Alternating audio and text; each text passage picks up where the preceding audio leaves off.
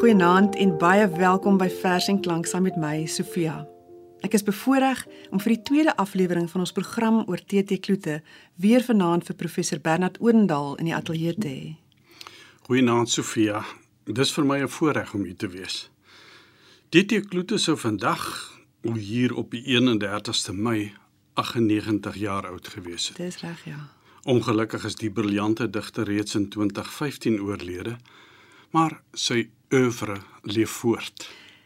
En dis waaroor ons vanaand gaan gesels. Maar voor ons verder gaan, wil ek die luisteraars net herinner, indien jy laasweek se uitsending van Vers en Klank misgeloop het, kan jy die potgooi van deel 1 van die TT Kloete program op RSG se webwerf vind. Bernard, wat sou jy sê is die oorkoepelende temas, die silwer draadjie in al Kloete se digkuns? Ja, ek het in ons vorige program oor TT Kloete gesê dat ek meen die opvatting dat die kosmos godsopenbarend is, die rigtende een in sy werk is. Vir hom dra die komplekse samehang van die uiteenlopende verskeidenheid verskynsels en gebeurlikhede die vingermerke van God die Skepper. Die tematiese gegewe staan sentraal in veral sy eerste 6 bundels. Daarby hoort die oortuiging dat die mens die gawes toebedeel is en die verantwoordelikheid het om die samehang en verskeidenheidsgegewe in die skepping te ervaar en op God lowende wyse te vertolk. Met die aarde praat is nie verniet die titel van een van hierdie vroeë bundels van hom nie. In sy verse is daar ook iets te bespeer van God se se bemoeienis met die mens en andersom. Die ewige aantrekkingskrag tussen die die onbenullige en die ondeurgrondelike. Hoeka in met die aarde gepraat verwys kloete na God wat in openbaringe van uitduiende veelvoud uitloer en dat die momente van kennismaking so ingewikkeld is soos die geruite oog van 'n naaldekoker. Dis asof kloete met behulp van die wetenskap by 'n baie dieper kennis van God wil uitkom. En hy maak elke nou en dan baie goeie vordering in daai rigting. Daar's elemente wat wil wil begin bekend lyk vir hom. Hmm. Maar dan is dit weer net te groot, te te groots. Hmm. En glip deur sy begrip. daarmee saamstel Kloete dit ook dat God weet dat ons nie volkome kan weet nie en daarvoor 'n soort deernis het. Soos in die gedig Fisika wat in 1985 in sy derde bundel Allotroop verskyn het. Fisika. Hy laat hom vind. Hy laat hom geld in 'n solêre wind en 'n geomagnetiese veld. Met protone en elektrone bombardeer die son die aarde sonder om ons seer te maak. 'n Sagte kussing van magnetosfeer beskerm ons. Sonder dat ons disintegreer, leef ons in onskuld tussen geweldige kragte. Ons kan hom duld. Die ontsaglike sagte. Mm. Ja. In die Bybel kom dit herhaaldelik voor dat God na homself verwys as ek is of ek is wie ek is. Hy is 'n menslike terme dus wesenlik onbeskryflik. Die Bybelse verwysing moet in gedagte gehou word by die lees van die volgende gedig uit Luther se laaste bundel Karnaval en Lent wat in 2014 by Tafelberg verskyn het. In die gedig met is as titel word iets uitgedruk van hoe ons menslike vermoëns tekortskiet by die van God. Hoe oorweldigend die ervaring van hom as geopenbaar in die skepping vir ons is. Vlugtig en 'n verblindende spieelblink deursigtigheid wat net na homself terugwys. Wat met die spoed van lig verby skyn 'n krale string van tyd wat breek en brokkel fotons wat kwiksilwer uitmekaar spat 'n stralende pyl waarvoor jy as jy dit wil beskou jou blind moet hou. Waarvoor jy as jy dit bedink jou dom en doofstom moet hou. Jou krakende skedel moet vashou. Ja, dis geweldig. Vir iemand wat geleef het in 'n tyd toe godsdiens en die wetenskap nog grootliks as onverzoenbaar beskou is, het hy na die lewe gekyk op 'n manier waarin die een die ander eintlik aanvul. Sy bewussyn was so so oop. Dit kon die kwantifiseerbare en die onpylbare terselfdertyd akkommodeer. En danksy die benadering, wil ek eerder sê die leefwyse, kon die kosmos vir Kloete nooit sy bekoring verloor nie. Daar was altyd vir hom nog verrassings, nê, nee? nog verstommende ontdekkings hmm. om te maak. Die prospekteerdersgees het tot pragtig beskrywende bundeltitels aanleiding gegee, soos Heilige Nuuskierigheid wat in 2007 verskyn het en ook Onversadig in 2011 albei deur Tafelberg uitgegee. Ja, einste. Klute het geskryf met 'n kennis en waarnemingshonger en met 'n ingesteldheid op die wonderbaarlike van selfs die aldag dinge, soos jy al uitgewys het. Mynsins sien stree hierdie motiewe self sterker op die voorgrond in sy laaste 4 bundels. Dit verteenwoordig eintlik 'n eie tydse soort mistiek, wil ek sê, waarbinne God deur middel van verkenning van die skepping en die besonderhede daarvan as dit ware ervaar kan word. Uit Kloete se digkuns blyk dat hy in die skepingsdinge juis God se digterlikheid waarneem en wat vir die mens tot inspirasie dien. Mm, dis waar daardie daardie kreatiwiteit van die Skepper. Hy het immers 'n gedig geskryf met die naam God die Digter. Dit het in 1989 by Tafelberg verskyn in die bundel 3 pas. En is deur die musiekduo Babette Viljoen en Olga Lennert getoons het. Daar is meer poesie in die sneeuvlokkie as in die letterkunde. Ooh.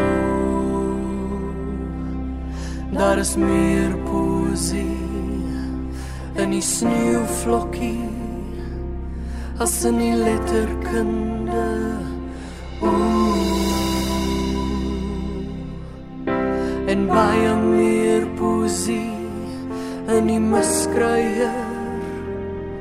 in die toktokkie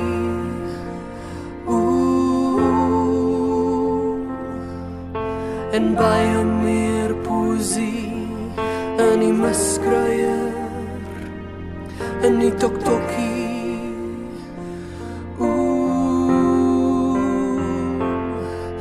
en die meteorologie en entomologie in die môre mis en in die bergpiek horison wat in die hemel wegraak. In die rooswolk is daar baie meer liriek. In die meteorologie en entomologie in die môre mis en in die bergpiek die horison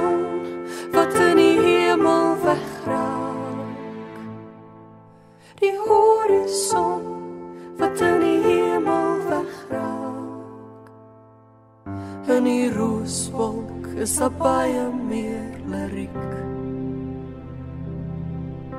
Die aarde is deur 'n digter gemaak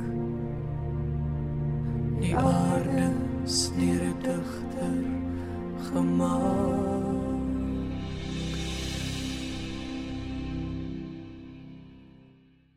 Nog een wat hierby aansluit is die gedig Knal uit Onversadig. In die sebra se vel is in die paringsknal die strepe soos 'n duimdruk ingetel. Net soos die patrone van die karos van die gemsbok en die veelkleurige vere dos van die troupand. Toe die mieliepit val in die voor, is die hele mielie toe al volledig daar ingevou. Die reënboog en heuning en olie se irisering is toe al onfeilbaar korrek ook in die perlemoenskulp geskik. Die kontoure van elke boom afsonderlik is in 'n saadjie toe al na eie soortigheid afgetrek. En dan nog mooier. Die semen knal tot vandag toe ononderbroke voort in die vrou. In alles en almal se saad is singularities wat gaan uitdui ingevou.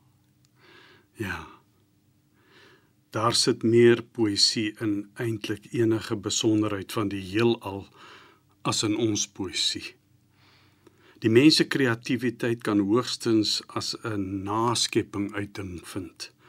Ons kan nie soos God iets uit niks skep nie.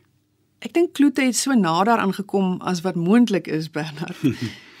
maar self sou hy nooit so iets eens durf dink nie. Tydens 'n onderhoud in 1987 het Andre Liebenberg vir TT Kloete gevra of hy sy digterlike vermoëns dan nou ook as 'n gawe van bo beskou. En dit was sy antwoord. Waar anders sou dit vandaan kom? Dit kan nie van myself kom nie. Dit is nie aan my gegee nie. Jy kan nie opgelei word uh, om 'n skrywer te wees nie. As jy die gawe het, kan jy wel gehelp word en daar is ook hier in ons universiteit 'n so kursus om mense te help skrywe. Opperman het sy poësie skool gehad of poësie laboratorium. Jy kan van geen persoon 'n skrywer maak wat nie die gawe het nie en daardie gawe die dan nie van nêrens gekom nie. Nee, ek wil vir u sê dit is nie alleen vir my 'n gawe nie, ek dink dit is 'n baie groot genade wat 'n mens het en waaroor jy beskeie moet wees, waaroor jy nie verwaand moet wees nie, nie trots of ydel moet wees nie. Dis 'n baie groot genade wat vir jou gegee is. Uh jy het dit gekry en dit het vir my baie sekerlik 'n religieuse betekenis. Sy talent om belewennisse in woorde raak te vat, is egter nie al wat Kloete as 'n seëning beskou het nie. My ervaring is dat pyn my uh, sintuie verskerp, my emosie verskerp selfs my intellek verskerp. Dit is vir my 'n merkwaardige sintuig en dit is 'n merkwaardige bonus. Of laat ek sê jy betaal die premie van pyn en dan kry jy 'n baie goeie bonus daarvoor. Hy vergelyk sy eie positiewe ervaring van lyding met die van koning Hizkia in die Bybel, wie se verhaal in die boek Jesaja in hoofstuk 38 opgeteken staan. Hiskia lê daar dodelik siek en dan kom die profeet by hom en hy sê hy beter maar sy huis in orde kry. Maar dan smeek Hiskia die Here in 'n gebed om hom tog nie nou al te laat sterf nie. Hiskia uit sy bundel Allotroop wat in 1985 by Tafelberg verskyn het. Kyk aandagtig na my. Bekyk my julle wat tydsaam verveeld sit en tuur deur julle vensters na die straat wat in julle motors versonke verby my ry. Ek het met my gesig na die muur gekrul gelê. Die Here omgepraat. Ek het hom vir Jeremia hoor sê. 'n Groot man wat so ontroosbaar huil om die lewe in gebede lastig lol moet gegeen word om my langer lief te hê. Gooi die graf vir nog 15 jaar toe. Laat die son 10 trappe terugrol. Sit 'n vye koek op sy oog. Laat hom eet en laat hom proe. Laat hom snuffel aan die geur daarvan. Laat sy vinger dit voel. Droog sy trane af reinig sy ore. Laat hom toe om my nog langer deur hom te laat gebeur. Jy is ingeskakel by Vers en Klank en ek gesels vanaand met professor Bernard Odendaal oor die werke van TT Kloete. Bernard net soos die lewe Kloete met verwondering vervul het, vermoed ek hy was ook baie nuuskierig oor die dood. Iets wat tog maar binne God se plan met die mens onafwendbaar is. Mm, mm. Ja, ek het in my proefskrif oor Kloete se digwerk bevind dat die verganklikheid, ons sterflikheid, veral aanvanklik as 'n probleem binne sy beskouelike raamwerk opduik. Dit gee tot 'n tweeslagtige gedempte heilsperspektief aanleiding by hom gesien in vergelyking met die vreugde wat in die aardse bestaan gevind kan word. 'n Mens sou selfs kon redeneer dat die kontensie in Kloete se gedigte is dat die hiernamaals eintlik onkenbaar is vir die mens, maar dat die hemelse reeds in die aardse, die hiermaalse bevat is. Algaande is daar egter in Kloete se 10 bundels 'n groei te bespeur na aanvaarding van verganklikheid as deel van die goddelike bestel. As iets wat ons bewustheid van die vreugdevolle aardse opskerp en ons des te meer van God se liefdevolle almag bewus maak. Mm. Twee gedigte uit sy debuutbundel Angelira, naamlik Ek is en Uitgedun, laat reeds iets hiervan deurskemer. Ek is uit Angelira. Ek is my artritis, brein, poliomielitis, pyn, drek, droom. My hart en my tumor is ek. Ek is vallus, karsinoom, alles. Uitgedun. Ek dank u dat ek hier vanoggend soos van ouds weer my baard mag skeer. Vroeger was ek gesteld op seks en soma, op geweld en eer en geld. Nou, Here, is ek goedkoop gesteld op bloedsomloop en brood en stroop. Bloedsomloop en brood en stroop. As ons almal maar net daagliks so fyn ingestel kon wees op die soos Berdan dit noem hiermaalse wonders. Genadiglik is daar mense soos TT Kloete wat ons aanhou herinner om met ander oë te kyk, né? Na 'n leeftyd van toegewyd anders kyk en sy observasies noukeurig neerpen, kom hy wel tot die gevolgtrekking dat dit wat beskryf kan word ver te kort skiet by dit wat beleef kan word. Hierdie laaste gedig, fragmente van die onvolledige gedig uit die bundel Onversadig, lees Bernard net ten dele vir ons voor. Hoeveel woorde is nodig om 'n hand te maak wat bestaanse verse kan bevat? Al die gedigte wat gesê is in al die tale, die wat reeds uitgesterf het en die van vandag en die wat kom, is almal in hulle som totaal te gering om die groot register van die verhaal van belewe te vertaal. Dit is buite bereik van al die gesamentlike woordeskat van die aarde. Buite al die gesamentlike digters met hulle kleiner en groter taalmag, hulle suikersnavels waarmee hulle meeding aan die nektar van een klein bitter alwyn in die stukkie veld van die aarde aan die maak van baie gedigte om die steeds uitduiende onvoltooidheid van die steeds groeiende onversadigde gedig in te haal kom daar geen einde nie Ek het nou so lekker na jou vertellings en veral jou voorlesings geluister dat die tyd my skoon ontgaan het. Ons moet ongelukkig nou groet, maar baie dankie vir jou kosbare bydrae tot vanaand se program. Dankie vir die uitnodiging. Dit was 'n eislike plesier. Ek bedank ook graag die argivaris Karen de Tooi wat die opnames van onderhoude met TT Kloete vir vers en klank opgespoor het. Ons sluit vanaand af met nog 'n toonsetting deur Babette en Olga getiteld Retoriese vraag. Tot volgende week.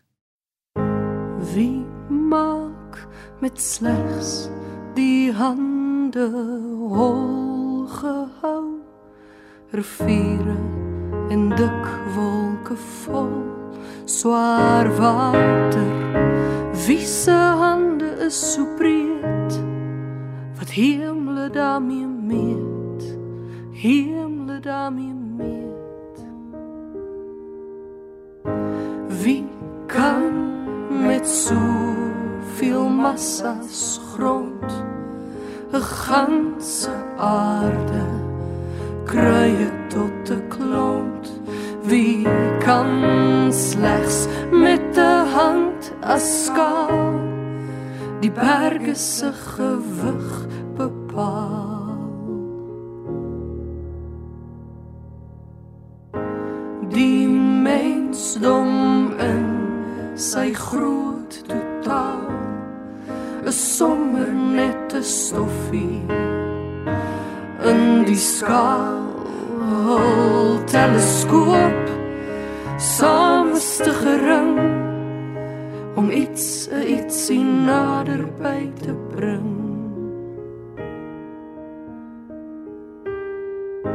Daar's geen verbeelding of gelykenis vir wat so groot so handig is geel smutse goud smee god. Geen mense weet en droom wat verrot.